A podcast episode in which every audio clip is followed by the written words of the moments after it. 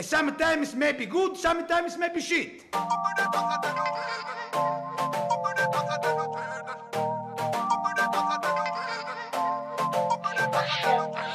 Varmt välkomna till ett nytt avsnitt av Avbytarbänken, avsnitt 75, sista kvarten till fulltid 90 och vi är inne i slutminuterna av 2019. Jag har med mig Mohammed och Mustafa idag. Tyvärr har jag ingen sån här ah, vet ni vem som har nummer 75 på ryggtavlan idag? Alltså. För det finns inga va? Jag hittar ingen, förstår du? Jag hittar nada. Eh, Jag skulle ha börjat med den här grejen när vi hade, var inne på avsnitt 10, 11, 12, då kunde man du vet, hålla på och rabbla upp alla som hade de här eh, siffrorna på ryggen. Men vi kan kickstarta med er i alla fall, hur mår ni? Det är bara bra tack. Eh, Vad har ni gjort under helgen? Eller i måndags, för det är tisdag idag. Jag har bara kollat fotboll och inte mer med det. Det är så dina helger ser ut alltså. Det är, det är fotboll och du spelar en, fot, en podcast om fotboll, så det hela ditt liv är fotboll alltså. Ja exakt, och det är nu sista helgen va? Eh, Innan det är juluppehåll. Mm. Så, För de andra ligorna. Ja, förutom Premier League, va? Exakt. Exakt. Mustafa, du håller på och käkar frukost till dig.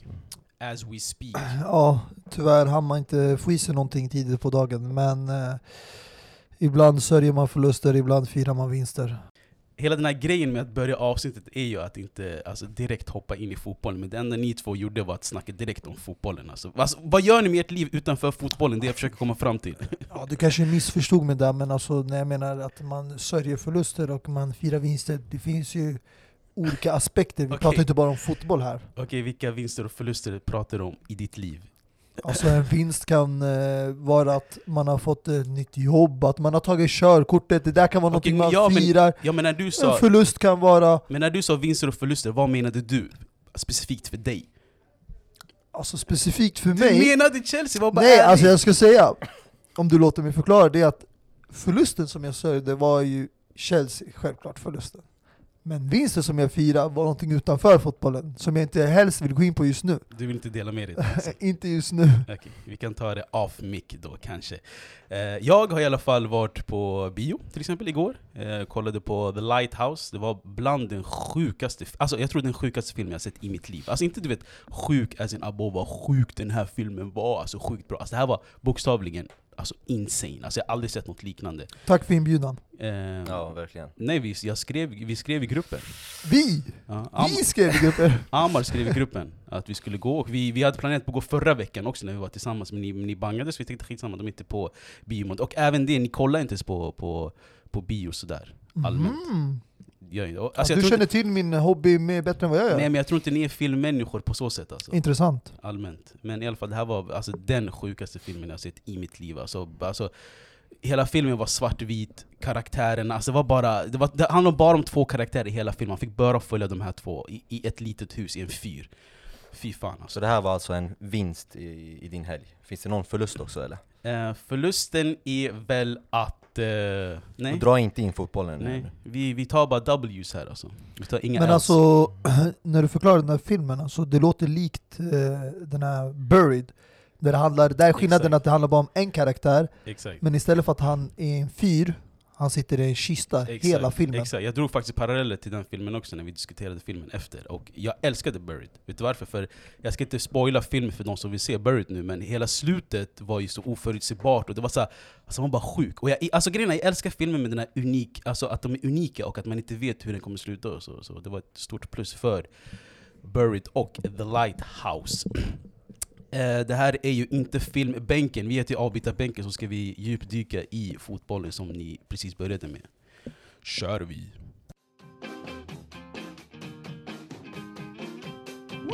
Liverpool mot Watford, absoluta toppen mot absoluta botten. En ny kontrakterad Klopp mot en nytillsatt Nigel Pearson. Matchen slutade 2-0 till Liverpool, Mohamed Salah gånger två. Det betyder att Liverpool har vunnit 16 av 17 ligamatcher. Enda krysset denna säsong kommer från, ja, United.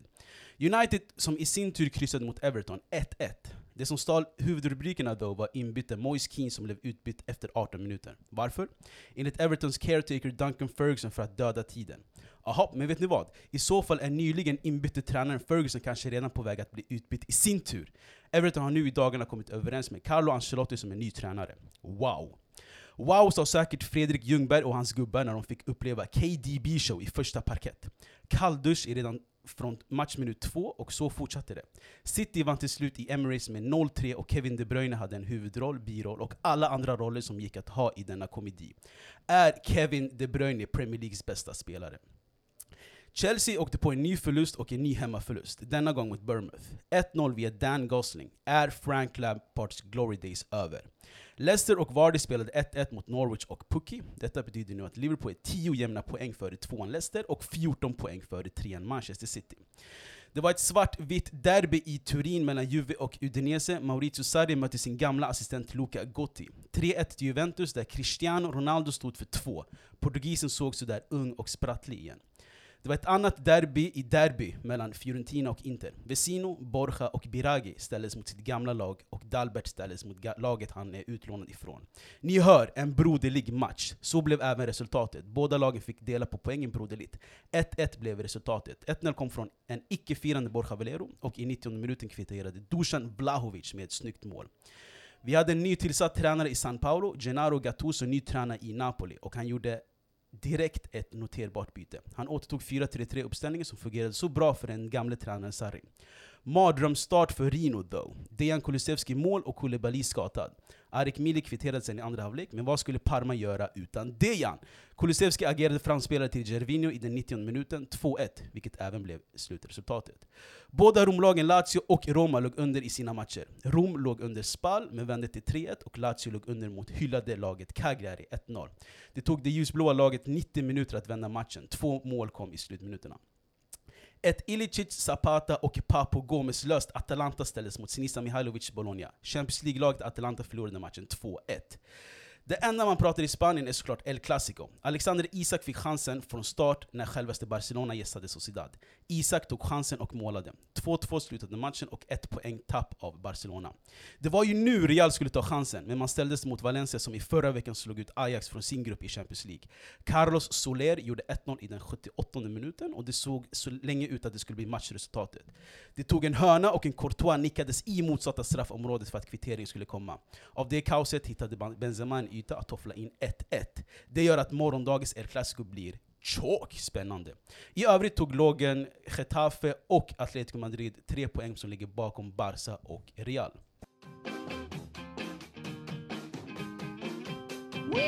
Efter en sån här superhelg och speciellt super Sunday är det skönt med att få en sammanfattning så man kan få övergripande vad som hänt under hela helgen. Eh, vart vill ni börja? Jag hade lite frågeställningar i sammanfattningen som ni kanske vill besvara, speciellt Mustafa du. Är Frank Lampards glory days över? Om han hade någon. Alltså jag har alltid sagt att eh, man eh, ska inte dra fastiga slutsatser. Så absolut, det har varit en eh, dålig form de senaste veckorna. Jag tror det var sedan eh, förlusten mot City. Men eh, det viktigaste det är ju liksom eh, lära sig av sina misstag. Eh, det är ju trots allt en eh, ny tränare, många nya spelare, eh, ung, ganska ungt lag. Och eh, han har inte heller så mycket erfarenhet. Eh, det här är hans andra år inom eh, coachingkarriären så jag tycker vi ska ge det lite mer tid. Han kommer ju absolut inte bli, få sparken under säsongen. Eh, men eh, Glory Days har de inte varit än. De har inte kickat igång så de kan inte heller vara över.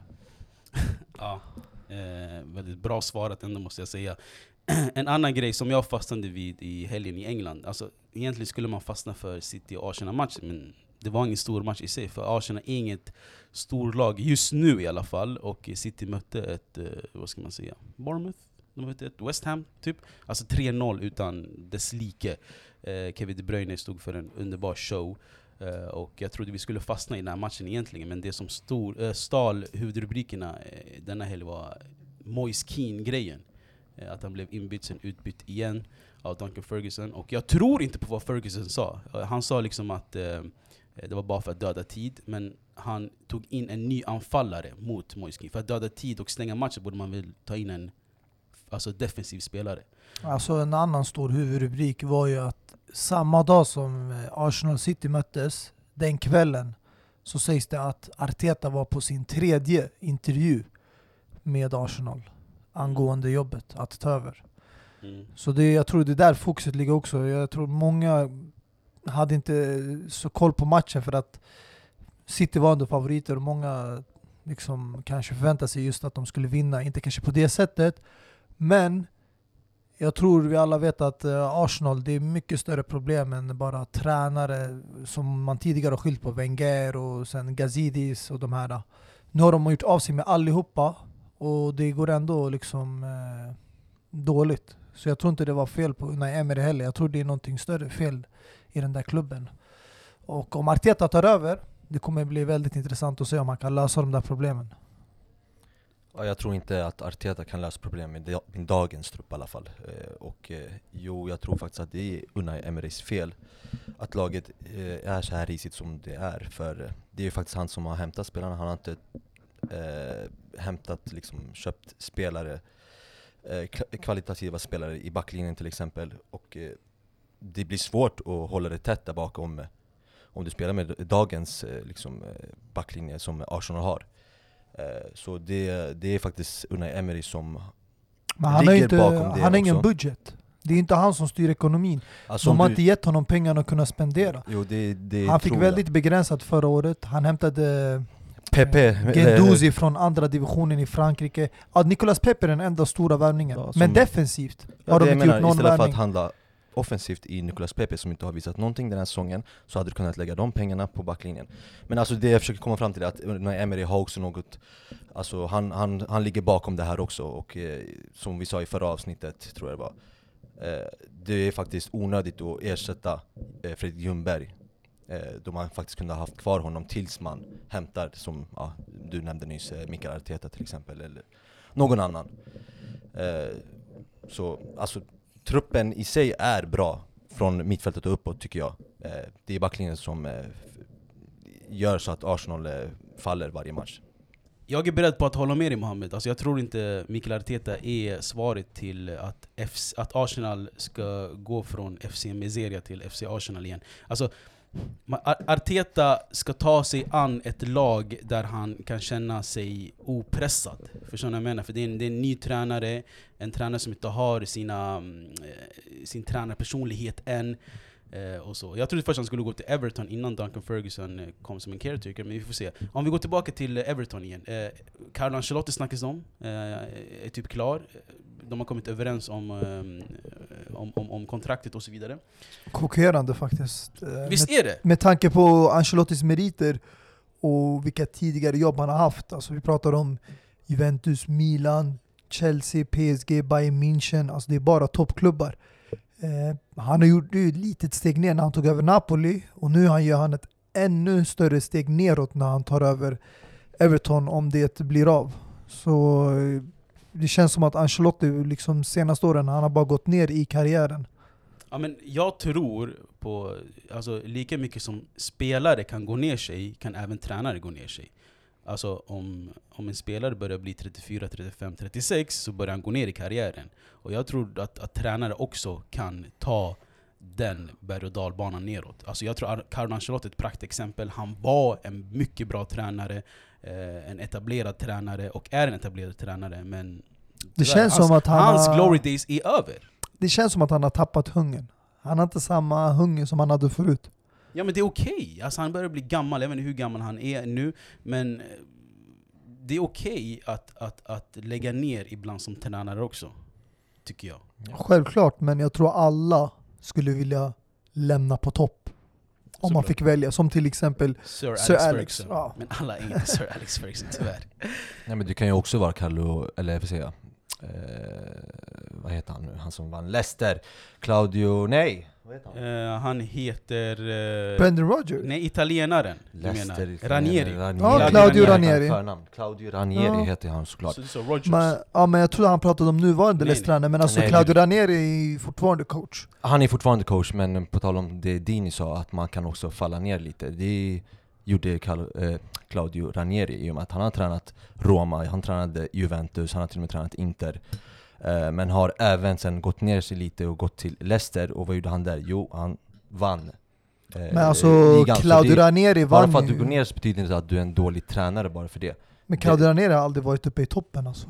Han har aldrig varit Han har inte varit den tränaren som har framgångsrik med toppklubbarna. Men om Nej. någonting var hans topp när han vann Leicester ju. Jo exakt, det där är hans största höjdpunkt i karriären. Ja. Alltså om du jämför Carlo Ancelotti, han vann titlar med de här toppklubbarna. Milan, Chelsea, PSG, Real Madrid.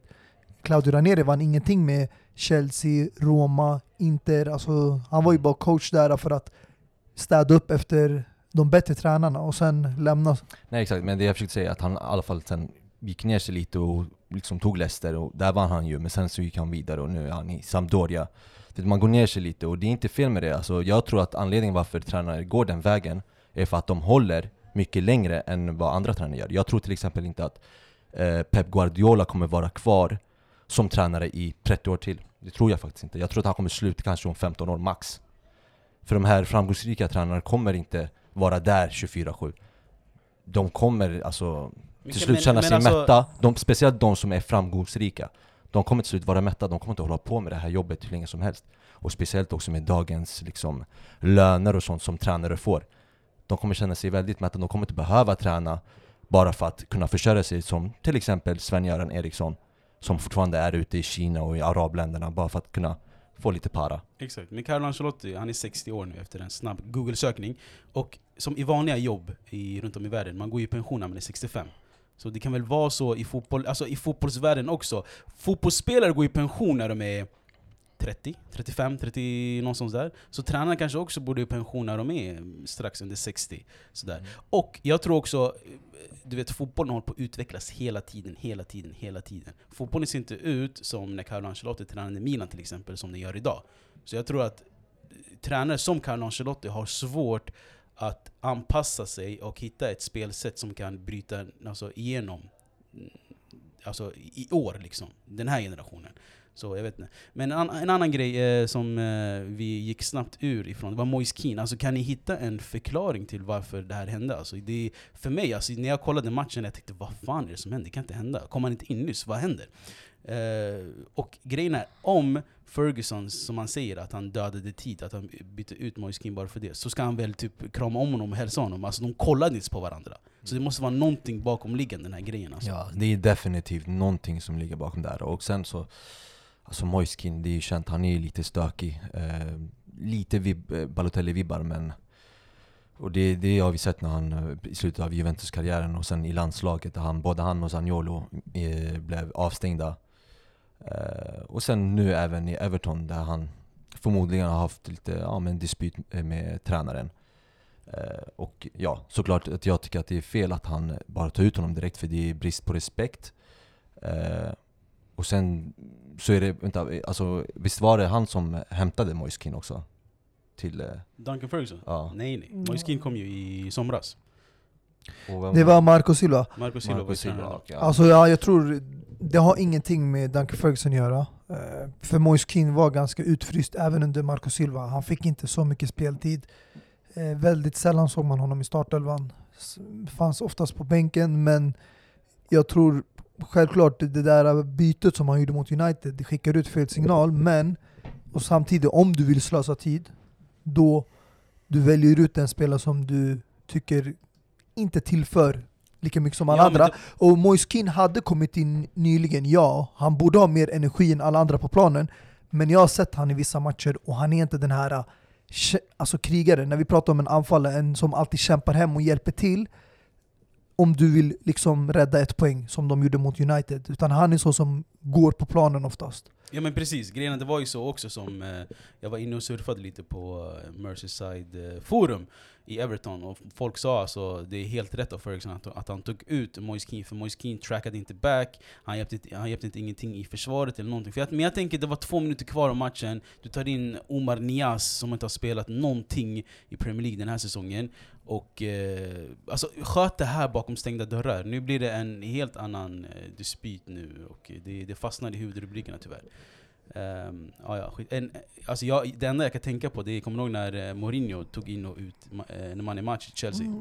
Ja. Det var typ den enda händelsen Alltså det är inte, han gjorde det också i Real Madrid, eh, Mourinho. Så det är inte första gången vi ser sånt där. Det här har skett förut.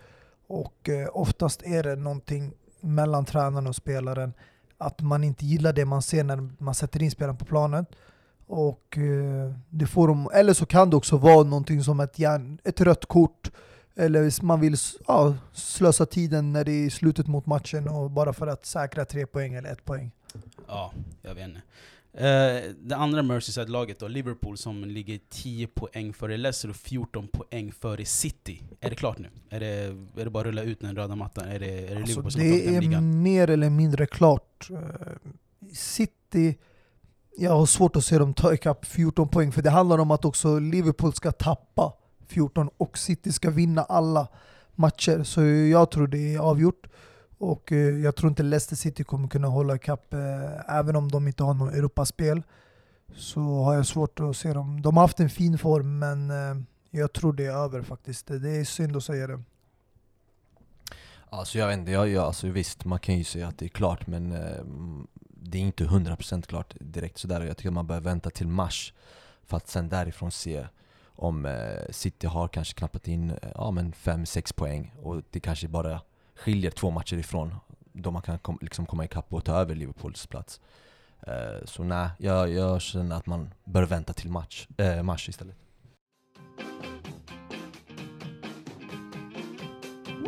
I Italien kan man inte rulla ut någon matta i alla fall. Där är det i alla fall eh, tätt och jämnt i ligan. Inter med 39 och Juventus med 39 och därefter kommer Lazio med 36 och Roma med 32. Romlagen som knappar igen på eh, storgiganterna Inter och Juventus. Hur ser eh, Rom-lagets chanser ut? Alltså, nu om man kollar i förhand ser det ljust ut. Eh, speciellt för Lazios del. Jag tycker de har spelat väldigt bra fotboll. Eh, jag tror nyckeln eh, i deras fall det är att de har behållit eh, majoriteten av nyckelspelarna. Chiro Immobile, Luis Alberto, Milinkovic Savic. Den enda som de sålde de senaste åren det var Stefan de Vrij Eh, som gick till Inter. Eh, men annars eh, också att de har behållit Simone Inzaghi. Det har varit enligt mig ett bra val. Att man inte liksom, bara för att man inte kanske uppnår de målen som man har satt, att sparka tränare och nej, utan man fortsätter men och försöker bygga en bra men långsam process. Så jag tror om de tar en Champions League-plats är det mer än ett godkänt resultat för Lazio den här säsongen. Men att de är där uppe, eh, sådär bakom Inter och Juventus är eh, väldigt bra. Alltså. Sen Romas del, jag är chockad att de har gjort det så här bra. Med tanke på alla försäljningarna de har haft de senaste åren, nyckelspelare. Och de har så många unga, nya spelare och lite okända namn. Alltså du vet till exempel Nzonzi. Han kom in, han var där ett år och sen sålde de honom. Alltså det, de säljer och köper spelare bara... Det är, I Roma just nu, allting handlar om ekonomi känns det som. Att eh, balansera den... Eh, men ändå lyckas de bra. Alltså det är det som chockerar mig. Och de hämtar in ganska så här eh, rester. Kalinic som är backup till Dzeko. De hämtar in eh, Chris Smalling som var utstött i United. Eh, det är, och ändå de här spelarna de kommer in och de har värsta statistiken. Chris Smalling, jag tror han har släppt in ett mål under alla matcher han har spelat. Hållit nollan. Eh, och ska vi vara helt ärlig, jag vet inte vem deras nuvarande målvakt är. Men eh, tidigast var det förra året Robin Olsen. Så de har inte en, världsklassmålvakt som andra toppklubbar. Men ändå gör de det bra utav situationen. Så jag är väldigt imponerad av Roma. Paul Lopez heter han för övrigt. Romas målvakt. Mm. Och vad, vad var din fr- eh, fråga Dini? Om de kunde utmana för Alltså Scudetto? nej, jag, jag tror absolut inte varken Lazio eller Roma kommer eh, eh, vinna Scudetton. Men de, jag tror definitivt de kommer vara där och störa Inter och Juventus i alla fall, som kommer påverka dem i titelstriden. För jag tror ja. titelstriden står mellan Juventus och Inter fortfarande. Mm, det tror jag också, det kommer förbli så. Eh, Roma kan vi ju utesluta direkt, redan nu känner jag. Eh, för de har inte den truppen och de, är, ing- de har gjort det bra hittills men jag tror att det kommer fallera sen i, under säsongens gång. Lazio däremot, ja de har gjort det riktigt bra och de har haft, jag vet inte om jag ska kalla det för tur, men det, de har i princip haft samma trupp nu eh, från början av säsongen tills nu. Eh, inte många skador och så. Och de gör det riktigt bra och är ju bara är tre poäng bakom. Eh, så, sen så håller jag inte med dig Mustafa när du säger att de, det är över förväntan om de tar Champions League-plats, för nej, de ska faktiskt ta Champions League-platsen. Det är ett krav och det Vilka då? måste med den, Lazio. Alltså ett Det, det är ett krav och det är ett måste med, den, med tanke på den truppen de har Och Men alltså om du jämför deras kvalitet i truppen jämfört med klubbar som, som. Inter, Juventus, Ja. Napoli, de har inte lika bra spelare tycker jag. Om Nej, man det- jämför det- elvan och bänken, de har absolut inte lika bra trupp. Jag till och med tycker, alltså, jag skulle säga till och med Roma och de här eh, har bättre trupp. Nej, nej. Det. Alltså om du kollar på Romas bänk bara, senast, då har Javier Pastore, Cengiz under sådana här spelare på bänken. Eh, alltså det är klasskillnad. Jag, jag tycker att Roma borde egentligen ta en Champions League-plats, men samtidigt Roma de byter tränare väldigt ofta och säljer nyckelspelare. Det är det som jag sa, nämnde tidigare med Lazio, de har behållit de viktigaste nyckelspelarna. De har gjort lite små förändringar i andra områden, men eh, alltså det är också att de har behållit samma tränare som gör att de kan fortsätta på samma spår. Nej, alltså jag tycker, alltså, värt att nämna är att Lazio har bäst målskillnad i ligan och eh, skytteligaren eh, som leder Immobile leder med sju mål före Joao Pedro. Och, Och- eh, det visar ju liksom att det är ett eh, målglatt lag och eh, mobilen som är en av Mohammeds favoritanfallare, eh, som är, vad sa du, du korrade han som topp tre anfallare i alla fall i världen just nu? Eh, sa vi det? Immobile. Eh, du, nej, du sa topp 10, Topp och 10. när vi pratade om Vardy och, eh, Ja, så tro, tyckte jag att han var topp 10 och eh, vi kunde också baka in Immobile i den. Just det, så var det. Eh, men det är det jag menar. Så jag skulle alltså jag, jag är inne på Mohammeds spår. Det är ett krav från Lazio och, eh, och Inzaghi att de ska ta eh, en Champions League-plats. Ja, alltså förutom Immobile så har de ju eh, Korea och Luis Alberto som har gjort det riktigt, riktigt bra. Det är många, alltså Immobile tar ju deras liksom eh, shadow, eller vad säger man? Eller, Mm. ja. Eh, Så de står bakom den. Eh, Och, men de har ju gjort det riktigt, riktigt bra. Och sen så har man även det Serie A som, som liksom, vad säger man, näm- utnämnde honom som Serie A's bästa mittfältare i Sergej Milinkovic Sa- eh, Savic. Precis. Så de har ett bra lag och de ska självklart ta Champions League. Eh, kommer de utmana om scudetton? Just nu så kan Juventus-fansen och Inter-fansen känna sig lite or- oroade men jag tror inte att de kommer hålla hela vägen. Nej men Alltså, de, de kommer vara ett störningsmoment för Inter och Juventus. Jag tycker det, det, det är jättebra jobbat. Alltså av- jag tror de kommer kunna utmana. Det är för att eh, förra veckan åkte Lazio ut ur Europa League när de hamnade på en tredje plats med sex poäng. Och skillnaden mellan Rom, alltså Roma och Lazio nu det är att Roma eh, är kvar i Europa League. Lazio har inget Europaspel alls, som eh, Leicester i Premier League. Och de ligger inte heller så långt bakom Inter Juventus. Så med tanke på att de kommer bara spela nu en match i veckan, ingen Europaspel, så tror jag Lazios chanser ökar att både ta en Champions League-plats och utmana om scudetton. Eh, för Romas del blir det jobbigt om man ska sitta och spela matcher på torsdagar eh, under våren. Vi har ett stundande El Clasico som spelas imorgon, har varit uppskjutet men till slut eh, kommer den spelas imorgon. Jag har inte varit hypad på ett El Clasico så här länge och jag tror inte jag skulle vara det efter Cristiano lämnade Real Madrid heller. Men det känns som att den är på väg tillbaka, hypen. Benzema är, är, målfarlig, Messi är målfarlig och eh, jag tror det kommer bli en bra match. Ah, jag tror Du inte... delar inte den hypen med mig eller? Nej, alltså jag ha- hade hoppats på att få se... Man vill alltid se El Clasico, de bästa spelarna. Och eh, en lite rolig fakta är att det här är femte El Clasico-matchen i rad som Real Madrid är utan sin nummer sju. Tidigare fyra har ju varit eh, när Cristiano lämnade och spelade för ja, Juventus. Det här året hade man hoppats på Hazard, men tyvärr är han skadad. Så uh, ännu en gång blir de utan the number seven. Så det är bara att hoppas på barnen där, Rodrigo och Vinicius Junior. Men de har ju the number nine, KB Nueve, Karim Benzema som eh, har verkligen lyft det här laget och jag tror det kan vara en avgörande roll för eh, matchen imorgon. Absolut, men han behöver också stödet bakifrån. Och jag känner inte just nu, Vet du, vad Att- grejen är? Vet du vad grejen med Benzema är? Han var ett stöd till Cri- Cristiano Ronaldo när han var i laget. exakt. Nu är han stöd till sig själv bara. Han, han agerar mål, eh, målgörare och kommer vara stöd till sig själv som målgörare. Så Karim Benzema är komplett anfallare enligt, enligt mig. Mm. Nej, alltså jag delar också den där uppfattningen. Alltså jag känner inte heller en sån stor hype kring den här matchen. Alltså det är som vi pratade om innan. Barca-Real, det var ju en match där alla, alltså hela världen såg fram till.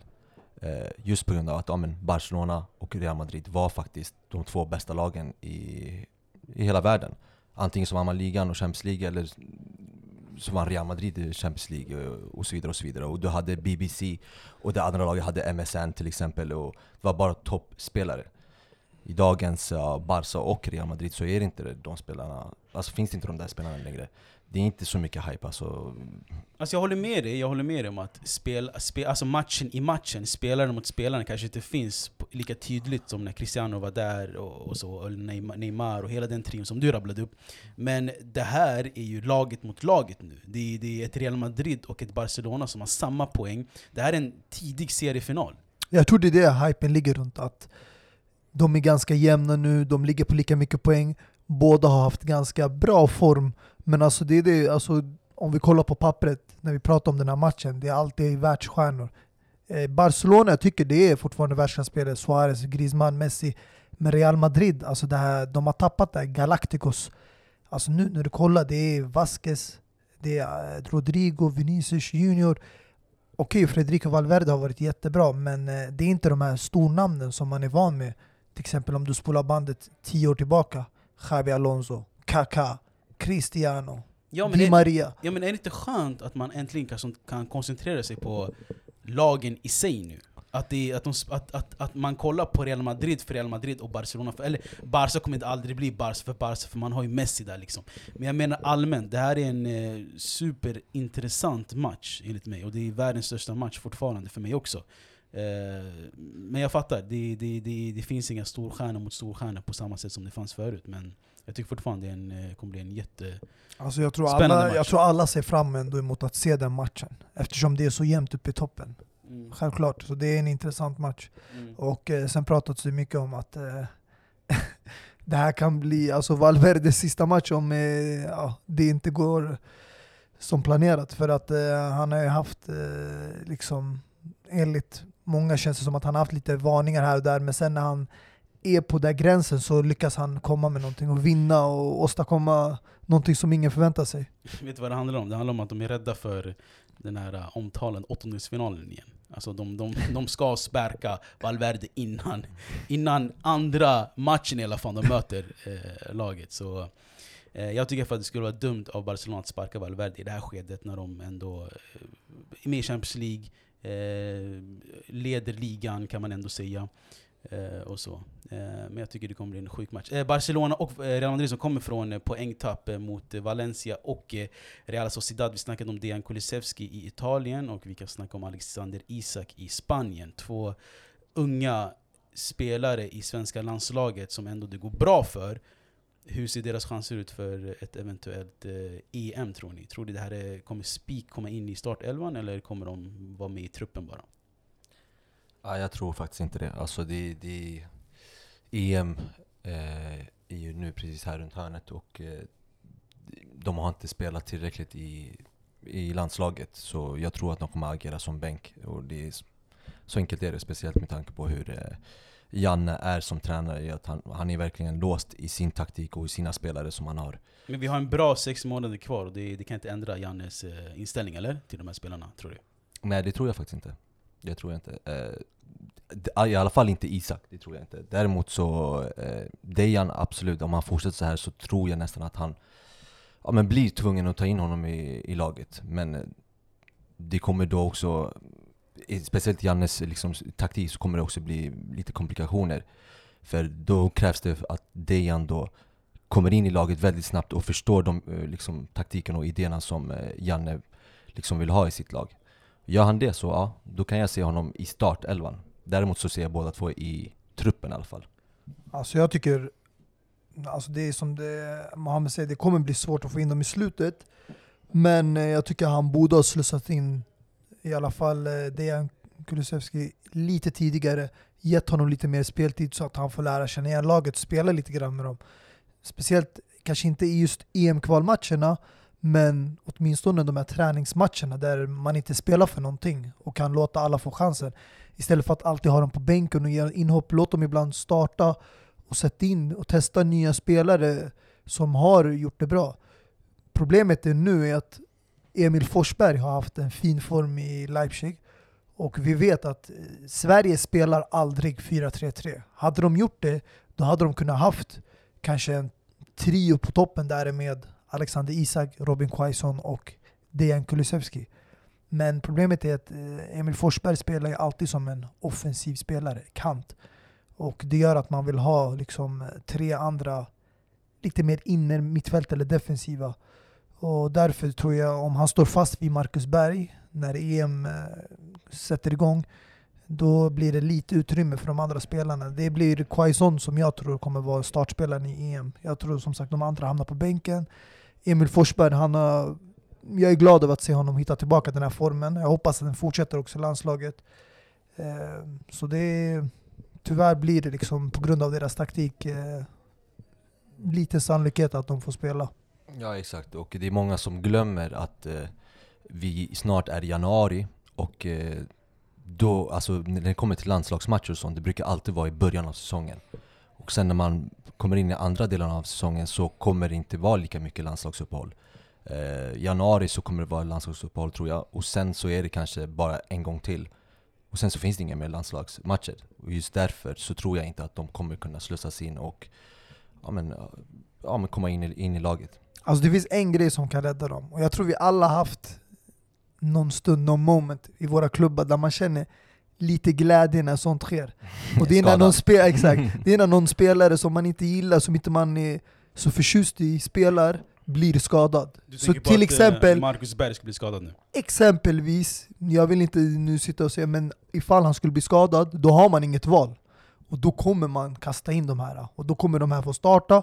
Och alltså i värst, alltså värsta fall kanske det går dåligt, men om någonting så jag tror kanske det gynnar Sverige och gör att de blir ännu bättre. För de får in ungt liksom, alltså unga spelare som är hungriga. Mm. Det kommer bli jätteintressant att se utveckling i både Alexander Isak och Dejan Kulusevski de sista sex månaderna inför EM. Ska vi avsluta med lite Champions League också? Det har varit en lottning, och eh, bra lottning också måste jag säga. Det är första gången i historien där topp 5-ligorna eh, är bara kvar i Champions League. Tycka vad man tycker vill om det här. Men de som ställs emot varandra är Dortmund mot PSG, Real Madrid, City, Atalanta, Valencia, Atletico Madrid mot Liverpool, Chelsea mot Bayern München, Lyon mot Juventus, Tottenham mot Leipzig och Napoli mot Barcelona. Snabbt, i närtiden, vilken är den hetaste matchen av de här lagen? Ja, Ah, det, jag tror vi alla kan hålla med om det. Vilket då? Real, Alltså- Real City? Mm, Det är det jag menar, det är, det är, det är skilda Alltså meningar. jag, förlåt, jag jag kan inte välja en match. Jag skulle säga Real Madrid City och Chelsea Bayern München. Det är de två hetaste matcherna, eh, åttondelsfinalerna. Resterande skulle jag kunna mer eller mindre... Alltså Atletico Madrid-Liverpool är en het match, missförstå mig inte. Men dagens Atletico Madrid, jag ser inte att de har en chans mot Liverpool. Eh, det är inte samma Atletico Madrid när de hade Griezmann, Diego Costa och de här i startelvan. Ja, men jag säger tvärtom. Alltså, om Atletico Madrid har ju chansen nu mot ett eh, alltså mätt Liverpool som har vunnit Champions League redan. Men alltså, Satsar alla kort på ligan. Så uh, Atletico Madrid, alltså Champions League är ju Atletico Madrids liga också på något sätt. Alltså, de har kommit till final några gånger, eh, slått ut bra lag. Och jag tror, man ska inte underskatta Diego Simones lag. eh, Nej absolut, man ska aldrig underskatta dem, men de är för ojämna just nu. Eh, Och vi ska inte heller sitta och säga att Liverpool är mätta. Kolla på deras form. Eh, En förlust under hela den här säsongen alltså, alltså hittills. Champ- Champions League-mätta. Om, Ja, de fick, om, de, om de fick välja vad de vill satsa på, det är Premier League, obviously. Ja, Så- eh, utifrån eh, fansens perspektiv, Så jag, absolut. så jag tror det kryphålet kan Atletico Madrid och Diego Simone eh, ta vara på. Mm. Tror jag. Alltså just den matchen, alltså jag tror så här. Vill du ha en kvalitativ och eh, liksom eh, bra taktisk match, ja då kollar du på Atletico Madrid-Liverpool-matchen. Vill du ha en rolig, och jag tror det är den matchen jag kommer fastna på mest. En rolig och fartfylld och mycket ja, men show eh, i en match, ja då ser du Dortmund-PSG. Eh, Ah, jag trodde du skulle säga där, Real Madrid Nej, City. det- tvärtom. Vill du se en match där det är bara stjärnor och där ett lag kommer bli manglat, för det är det jag tror de kommer bli. Så Och- kollar du på City mot Real Madrid, för jag tror City kommer köra över Real Madrid. Det tror det jag. tror jag absolut inte. Alltså det är det man, jag har märkt, man drar oftast eh, slutsatser utifrån man ser deras laget, hur de här presterar i ligan. Men alla vet Real Madrid är ett helt annat lag i Champions League. Och jag tror även fast Real Madrid inte har lika stora namn på pappret som City, jag tror Real Madrid kommer slå ut City just på grund av det här äh, storheten i klubben, erfaren och äh, Champions League är deras liga trots allt. Ja. Vill ni höra en rolig grej då? Eh, På tal om Dortmund och PSG. Andra matchen spelas ju 11 mars. 11 mars som är känt för eh, att Neymar ska vara skadad den dagen. Hans syster fyller år 11 mars. Och eh, det är mycket spekulationer om hur han ska planera sin, sin, sin frånvaro.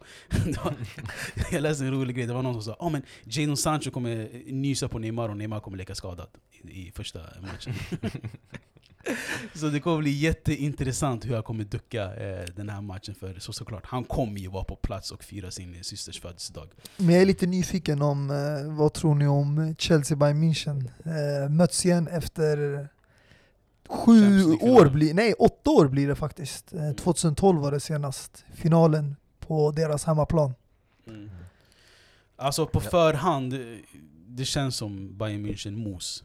Som kommer. Det håller jag med. Alltså på förhand, eller då kollar du på pappret självklart. Exakt, på pappret Truppen, och laget, eh, mm. Lewandowski och stekhete Coutinho som stod för ett hattrick och två assist i, i helgen. Stod för, ba, låg bakom fem mål av sex. Så det är ett eh, stekhett lag allmänt i Bayern München och på förhand, alltså man kan inte tro annat än att Bayern München kommer slakta Chelsea. Det kommer bli en slakt och det, det känner jag. Alltså, med de tanke på de spelarna som Bayern München har och med tanke på vilka bättre mm, Chelsea har.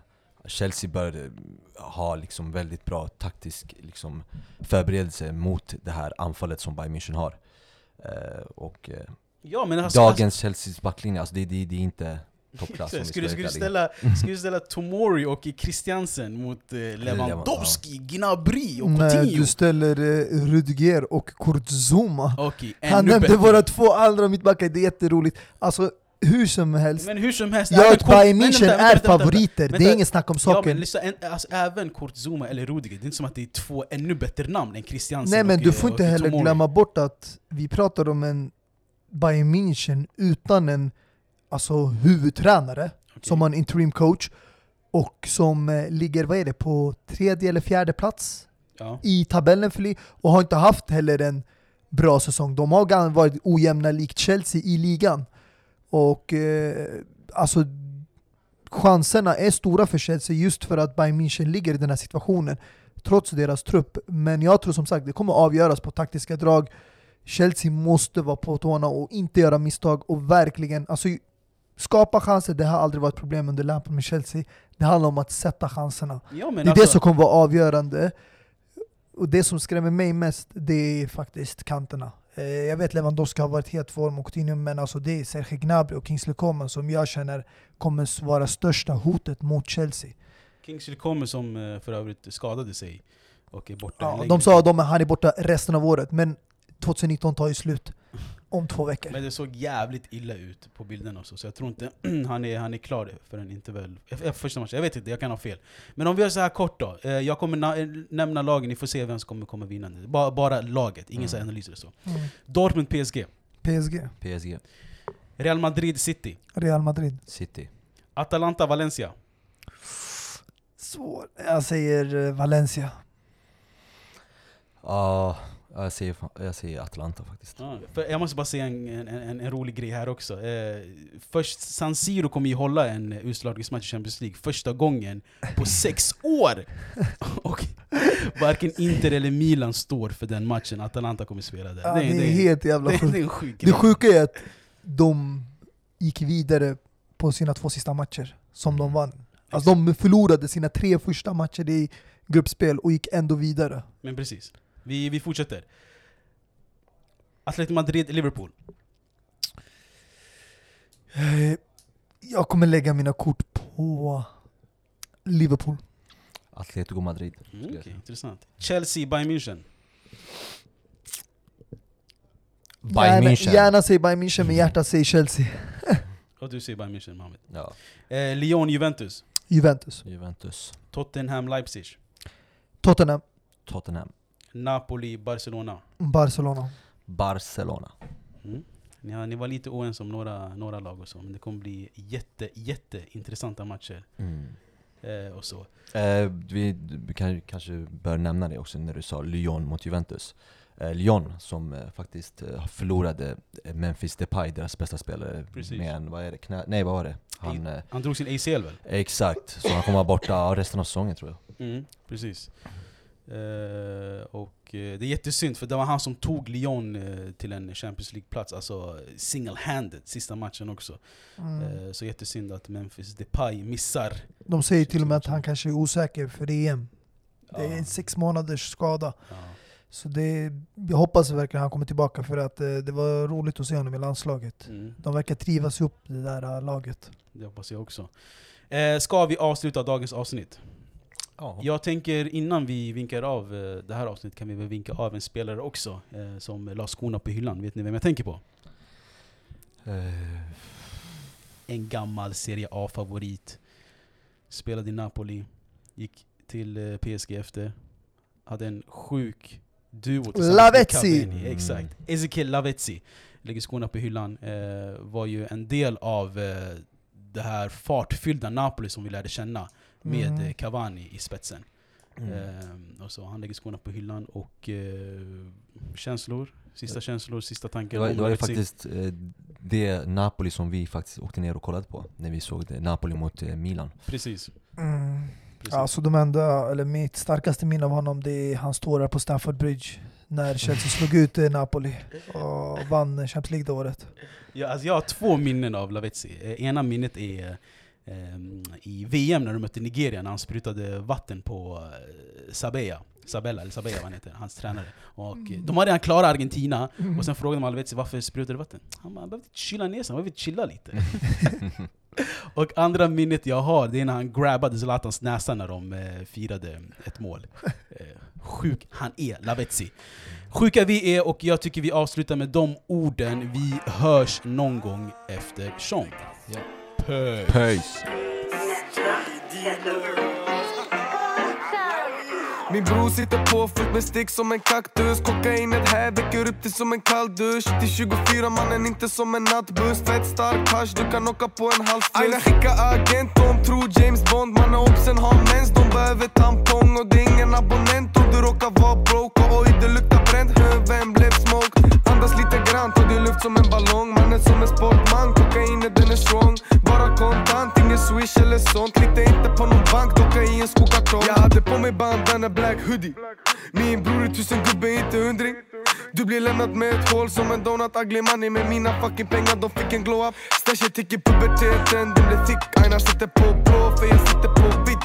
Svär du ska lyssna om min gode säger sitt. Mannen ring ambulans, är mina varor, de är sick. De vill på min nivå. Jo, de vill Kassos våg för sent. Tåget har redan åkt för sent, för sent. Tåget har redan åkt De vill på min nivå.